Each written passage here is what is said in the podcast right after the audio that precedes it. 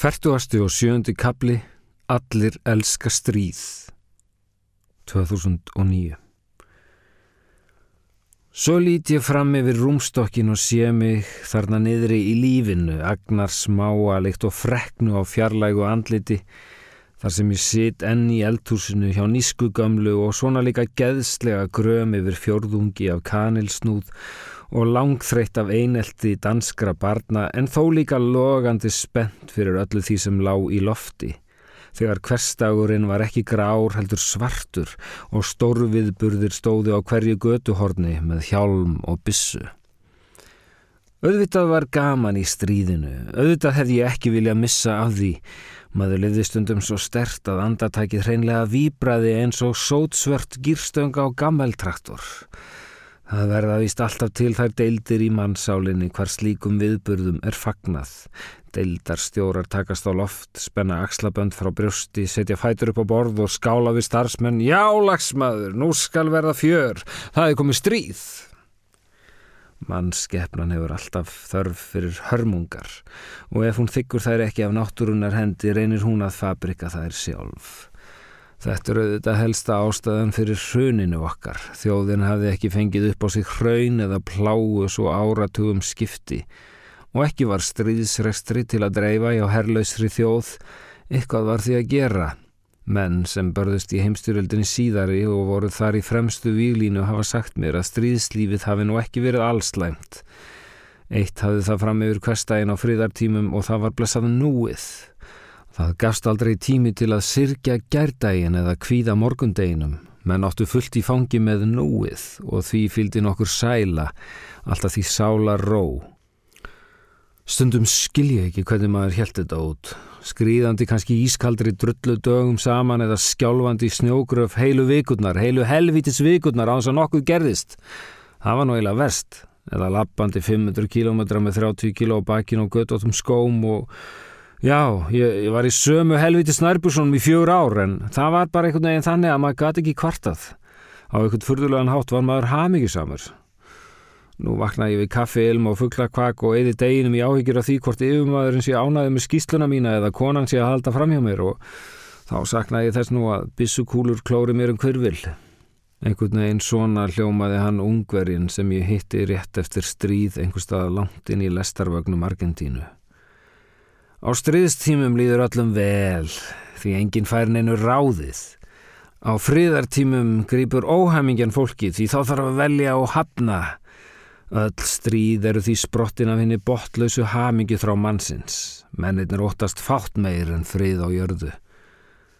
Maðurinn er í eðli sínu maur og kýs mun fremur að vera farþegi á örlaga hjólinu stóra en ráðskast með för þess. Sísta af öllu vill hann verða örlaga valdur og af þeim sökum dyrkar hann þá fáu sem það þóra. Og þegar að örlögum kemur eru stríðin róttækust. Þess vegna líður okkur svo óskup vel í stríði.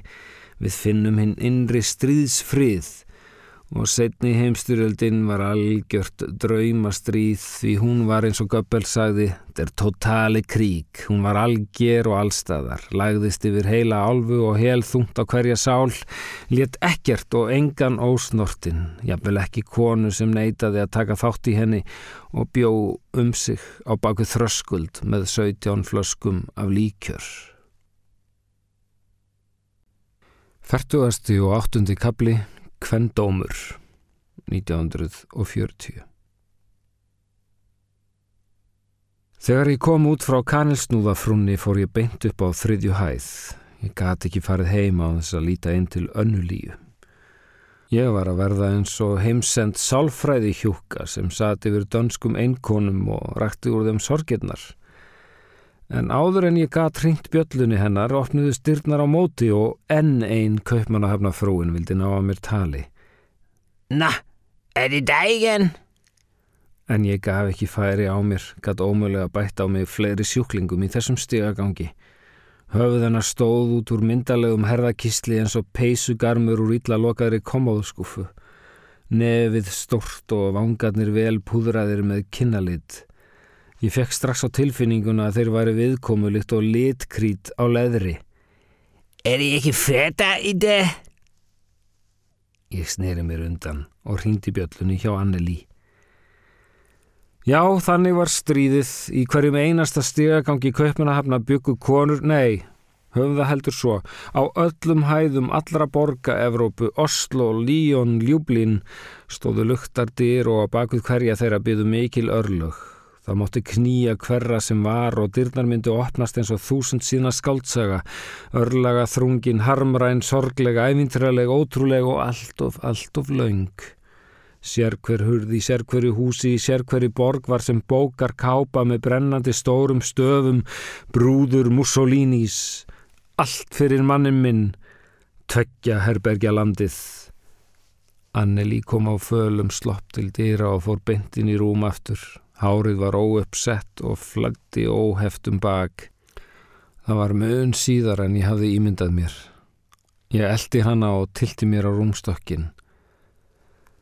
Þú ert sein í dag, kvíslaði hún kraftlaus. Já, hún var ótrúlega falleg þar sem hún lá svo ljómandi slög með höfuðið hálsokkið í þykkan stóran kotta.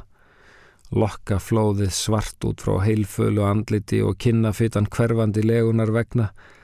Hún let aftur augun með töfra lokum sínum á undan hverju setningu. Hvar varstu?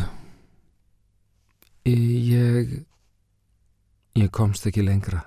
Þetta var víst fyrsta framhjáhaldi mitt. Og það með mellu og geðsjúklingi og blindfullar báða tvær.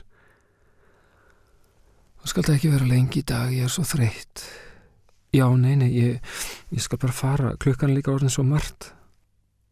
Viltu muna mér eitt, Anna? Já, hvað er það? Möndu það alltaf í öllu þínu lífi að láta það ekki ná þér? Nei, e, ná mér. Já, þeir eru eftir að reyna það. E, Þjóðverðarnir. Hún brosti vægt eins og blóm sem snýr krónu sinni mildilega í áttasólu. Karlmenn. Karlmenn? Já, varaði þið á þeim. Hún lokaði haugunum ofurhægt, augnhárin blöktu líkt og fyririldavangir. Öllum karlmennum, en ekki þjóðverðum. Allir kallmenn eru þjóðverjar. Hún virtist skilja þetta einhverjum bakskilningi því mér fannst ég greina glott í augum hennar. En ég var vist enþá bara 11 ára. Ekki pappi, hann er íslendingur og, og, maðurinn þinn, er hann ekki ítalskur? Dana, og lofaði mér líka því að að verða ekki kona. Nú var ég lens. Ekki kona? Já, konur eiga svo erfitt. Vertu manneskja, ekki kona. Ha, já, lofaði mér því, ekki kona. Hún endur tók þetta næri hljóðlust líkt og örþreytur lífslaupari sem hefur loks náði mark og stynur upp mikilvægum skilabóðum til þess sem enn á lífið eftir óhlaupið og lokaði augunum á eftir hverju setningur sem hún sagði en mikið sem hún var falleg þarna á kottanum. Mér langaði næstu því til að kissa hana, þessar rauðu varir undalegt sem það var. Mér langaði til að kissa hana þykkum, löðrandi kossi, róta við þykkum vörum hennar með mínum, sleikja tungu hennar. Hvernig stóð á því? Ekki verða kona? Var ég þá orðin Karl? Það var einhver líkar en ástarbrúðurinn Anneli hefði með þessum orðum breytt mér úr telpu í Karlmann. Það kviknaði í mér einhver áður ókunnur logi. Allt í einu stóði þarna eins og vætudreimin dvergur frammi fyrir sinni mjallkvíti, heilfristur af kolsvörtu hári, mjallkvítri húð og blóðurauðum vörum. Sjáðu mig. Hérna ligg ég bara því að ég er að vera kona er eins og að vera þetta er bara sjúkdómur. Ha, hvað? Ég var orðin heyrnalaus af þrá, hún virtist skinja það því hún ávarpaði nú óráð sitt fremur en mig. Að vera kona er sjúkdómur, banvænt sjúkdómur. Eina lækningin er að gerast kallmaður en enda kallaður okkur veika kynið og stefnaði allt okkar líf að, að fá okkur í rúmið, leggja okkur í rúmið. Hún skotraði augunum hægt en snögglega yfir á glansandi kvítt náttborð. Á því lág eitthvað sem líktist sendibrifi ofan á opnu umslagi. Það hafði verið brotið saman og þriðjungur þess stóð upp í loft þannig að byrtan frá náttbórslampanum listi pappirinn frá hinni hliðinni í gegnum hans skein í grottalega blegbláa handskrift. Síðan leitt hún aftur á mig og sagði Allir kallmenn eru þjóðverjar, myndu það dana og lofaði mér því að ganga aldrei með guðla stjórnu. Hún mælti þessi orð af lágværi rósemt sem var í engu samrami við þjáninguna sem undir lág. Lágstiltur rattblærin geldi reyðulöst við orðin líkt og væri þau fögur smáblóm á yfirborði hins dýfsta kviksindis. Lengdi svo aftur augn hárunum örskama stund, leitt síðan á mig og endur tók. Aldrei með gula stjörnu. Ég vissi ekki að þessi kona sem var líkt á hönnuð til auðlýsingafyrirsetu fyrir vín og rósaframleðendur ætti til í sér baráttu blóð. Ég held að Ástin hefði verið hennar guð, að hún hefði verið kona fyrst, manniske svo. En þessi kænslustund festist mér öllu betur í minni en svo sem fjallaði um líffæri ástarinnar. Kanski einmitt vegna þess að ég skildi ekki alveg bóðskapin um gulu stjörnuna og karlmenn sem þjóðverja. Stundum mann maður betur þar sem maður skilur ekki. En ég nam þó erindið og ákvaða að elska aldrei svo mikið að ég myndi leggjast í rúmið fyrir ástina, nema til að njóta hennar, og aldrei fyrir það eitt að vera kona. Ekki tókst mér að standa við það síðara en ég stóð við það fyrra. Ég elskaði aldrei 100% en það væri það óskinsamlegt. Engin skildi sjóða hjarta sitt í heilu lægi. Þá er skárrað að skera það í fernt steikja eitt, tvö hólf á pönnu og setja restina í fristi. Anneli var ofur þreytt að fyrirlestri loknum og var nú farin að tala með augun lokuð. Ég stóð á fætur, hún lifti auglokunum með herkjum, tók í hönd mína með sinni mjúku og ávölu kvíthönd. Ég sé það núna að konan hefur auðvitað verið bjúkstokkin á kinn og lofa af livjum og lánleysi. Ég lauti yfir hana, kisti á vangan og fann frá honum höst svala á vorsins vör. Kossin var alveg lostalauðs. Ég hafði læst innra með mér alla kynlega og laungun áður en ég lagði upp í hann og þar með var sagleysið endalega baki fyrsta fullorðin spæling af staðinn. Í sálarminnar sverði hafði blómstilkur berað brumsmátt höfuð, svart og loðið, munablómið hafði skotið rótum, í 11 ára mannesku var komin upp kona og ég strax búin að afneita henni. En var það ekki einmitt það sem Anneli hafi sagt að ég ætti að gera? Ég var orðin ramrugluð af öllum skilabóðum þessa stóra dags. Hún brosti fallega til mín og benti mér síðan með augunum á lítinn skröðlegan kassa sem stóð á stól við opnar dyrnar. Hann var á stærfið vindlakassanas afa, ferhindur og svartlakkaður allsettur svörtum perlum með smáum spekli á lokinu. Ég sá græðki mín að speklast í honum og þetta var auðvitað skartgripa skrín. Ég leisti dverghaga krækju af krók og lauk upp loki. Boksið var tómt en heima átti ég ímsa gripi til að setja í það sem hún hafi gefið mér á undanförnum vikum. Það var fóðrað innan með bleiku flaugjeli og upp úr því gaus ilmur sem kallaði mig til sín, sveigði mig niður að innan bleikri svart ösku. Ég andaði betur að mér þessari sterku lykt sem líkast til var blanda á nokkrum ilmvötnum sem leið höfðu við lokkandi hold á unaðslegum stundum og bætt voru með framlægi líkamanns, hálsa kottsvita og handarkrika dögg og ég fann að einn kvenlegi keimur kallaði mig til sín kondu, kondu, litla telpa. Líka þú skalt verða kona, kona. Þú mótt ekki halda að þú sleppir, sleppir Kondu nú með þín barnslegu sköp og spjekoppa brós og leiðu mér að fylla þau vantrú og vandamálum. Líka þú skalt þurfað burðast með brjósti gegnum lífið, bera á þig krem og ilm og liti og berjast við fytu, fást við blæðingar, erfiðar fæðingar og falla svo í verði eins og dilkur inn í hrökkunar land og vera þar hend á lífsins hauga. Kona, kona, prísundar sæla býður þín á bakvið klæði auðin rauð, þú helst þú værir barn sem yrðir fólk, en kemst nú að því að þú verður bara hvenn fólk. Færtugasti og nýjundi kapli Ammæli strengur 1940 Skartgripaskrinið reyndist vera síðasta gjöfin frá Anneli því daginn eftir kom hún ekki til dýra og, og ekki heldur þegar ég kom síðar þann dag eftir að hafa vafrað um sapn og garda óörug í fasi. Kanski var hún dáin, kannski bara leið á mér. Kanski átt hún eftir að eða næstum fjórum árum rúmliggjandi og reyta ódöðlega ástarsögu sem aldrei kemur svo út því enginn myndi reikna með því að svona falleg kona geti skrifað Og já, kannski hafði hún tekið sér upp og sildi nú með lestin yfir eftir spertum handlegg Hitlers, yfir öksl hans og háls inn í eirað ótum hitt inn í ríki Mussolinis. Styrjaldar árin snýrust meira og minna um það að stýja fólki í sundur, láta það tínast hvað öðru. Í stríðinu voru allir einis, Jável hermaðurinn sem þjálfaður var til að verða hjálmur í hundrað manna herdeild, jável eiginkona hans sem stóð með hundrað öðrum slíkum við færibandið heima, jável fangin sem svaf í smekkfullum klefa. Þó var engin jafn átakalega einn og fóringin. Ég efast um að nokkur sögunar maður hafi verið jafn einsamall og Adolf Hitler. Enda krafði hann alla landa sína um að heilsa sér með nafni, Heil Hitler og aldrei hefur nokkru sinni verið gert jafn mikið til að lækna sálega vanlíðan eins manns.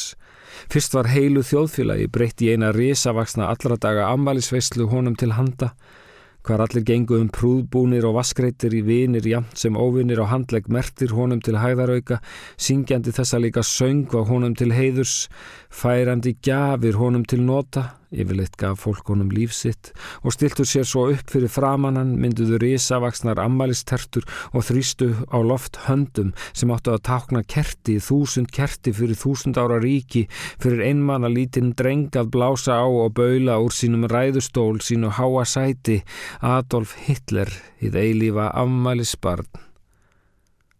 En þetta var ekki nóg því eftir kökuna vildi strákur fara í tindátaleik fá að nota öll nýju leikföngin sín. Einsemt hjaltalitla var svo stór að hún var í raun það sem kallað er svarthól, sem hennu vera einhvers konar ofur svangt geimald sem sogar inn í sig allt og ekkert. Er krafðist stöður að fórna, látlausrar fyllingar svo ekki sogaðist hann sjálfur þar inn.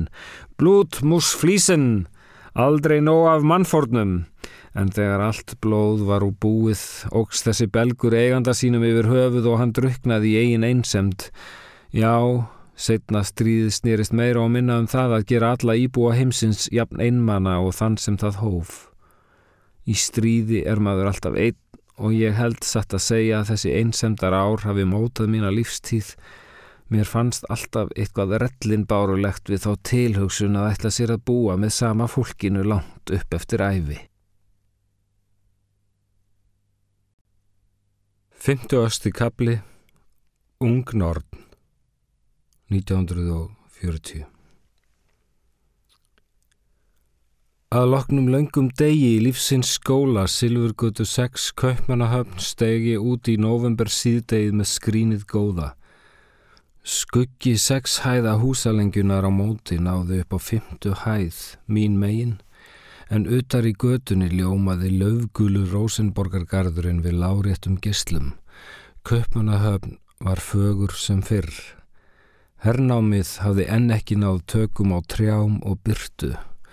Loftið var mettað ljúfu kuli sem ég í fávisku barsins tengdi jafnan við alla þessa þykku steinveggi og værið því eins konar steinkull. Í veggjum borgarinnar væri frosinn kjarni, þetta væri tundran þeirra dana, hvar veturinn hefðist við og svitnaði í innrúmi á sumrum en andaði köldu um leið og sól fóra veggjum. Ég beigð örlittla stund í dyratröppunum og gægðist varlega út á stjettina. Engir skólabræður voru í auksín og ég hljópi einum spretti út á horn og beigði inn í krónprinsessugötu þar sem ég hægði á mér og gekk másandi í bæjarátt garð megin vegna sólarinnar með skólatöskun á aukslinni en skínið og skrínið í höndunum. Fáir voru á ferli og ég veitti mér fullt leifi til að ganga með þeim nýja hætti sem dagurinn krafðist Það var komið eitthvert kvenlegt rafmagn í göngulagi því að gekk narrist og verklega fannst ég vera orðin dálítið meiri dana. Ég fann ullargróft skólapilsið dadra við kulbitna leggi sem voru berir allt niður að háum, hvítum sokkum og svörtum reymaskóm. Þeir sem hafðu verið flatbotna fyrrum daginn hafðu nú fengið undir sig háan hæl að mér fannst. Svart loðin græðlingur óks með hverju skrefi, já, vist var ég orðin kona sem var þó einmitt það sem Anneli hafði beðið mig um að verða ekki. Sjálfströstu þokkafullu göngulæginu fylgdi því sektarkend og hvað er fullorinslegra en vera á súpandi sagbít yfir því hvað maður er orðin sexy hvað maður er orðin tálkvendislega tungulafandi sexy. Á móti mér kom maður á ljósum frakka með dökkan hatt. Ég held mínu striki með kvenleikans boks í höndum. Hann skeiðaði hratt eftir stjettinni og hafði hausin eilítið undir sér. Hatturinn skildi andlitinu líkt og sköldur, sjálfsagt var þetta þjóðveri en eftir því sem nær dró með okkur kom hakan í ljós svo nefið, það leindi sér ekki að maðurinn var nauðalíkur Tyrone Power, allra hvenna gulli úr Kvikmyndaborg og nú er þið hann fyrstur manna til að vitna um nýfættan kvenleika minn. Ég fann splungu nýja töfra mín að magnast við þessa tilhugsun, með þeim færi ég létt með að fella þennan hattsins mann að fótum mér. Innan lokkura sekunda yrði hann farin að slefa yfir þeirri nöytna sneið sem líka með minn var orðin og nýju skrefum þaðan í frá myndi German Power hníga niður á hellutnar eins og hermaður fyrir skoti og grátbyðja ný afbarnaða stúlkusnót að fylgja sér til kvöldverðar á Dangleterre og þykja síðan bóð hans um bíóferð í Dagmar teatritt. Kvöldið er þið svo krynd í eldfimum ástarleik í káetu fleti í Kongsins nýhöfn Barnið sá nú ekki fyrir sér ástara allot í beinum smáadröðum heldur einfalda kyrralífsmynd af eldi, hatti og berum telpunjám. Það kom á mig djöfulegt glott er ég fann til sigurvissuminnar. Ég gæti ómögulega skilið hvernig konur áttu að vera minnimáttargakvart karlmannum þegar þær hafðu þetta vald yfir þeim. Við færðum stóðar nær hvort öðru og ég límdi augun á hattbörðin, bráttmyndur skjótast undan þeim tveir nistar, beint í mitt eldfima æði, svo úr yrði augna bál. Til öryggis vildi ég samt opna kindóruboksið og hleypa hvernandanum lausum mér til stuðnings. En læsingin stóð á sér. Ég gati ekki opnað fjandans boksið.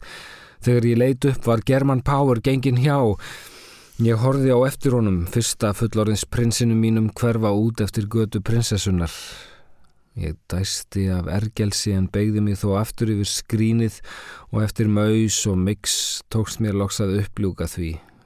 Ég var sjálfsagt eins og duft fíkil að sjá því ég rak óðar nefið ofan í boksið og kraftsau hvenn gufur þess upp í heilan og ef hægt er að brúka sögnina að damast í merkingunni að lamast Þá damaðist ég skindilega niður að njám. Ég fann kvistinn springa í klofi og að baki geirvörtum byrtist dofi. Græðlingur var að blómi sem breytti úr sér í kvið og undir loðið svart, svart og loðið. Mér sortnaði fyrir augum en í stað þess að hníga niður stöylaðist ég með lok vingsandi boksið fram með gardverkinu, slefandi höllt af losta.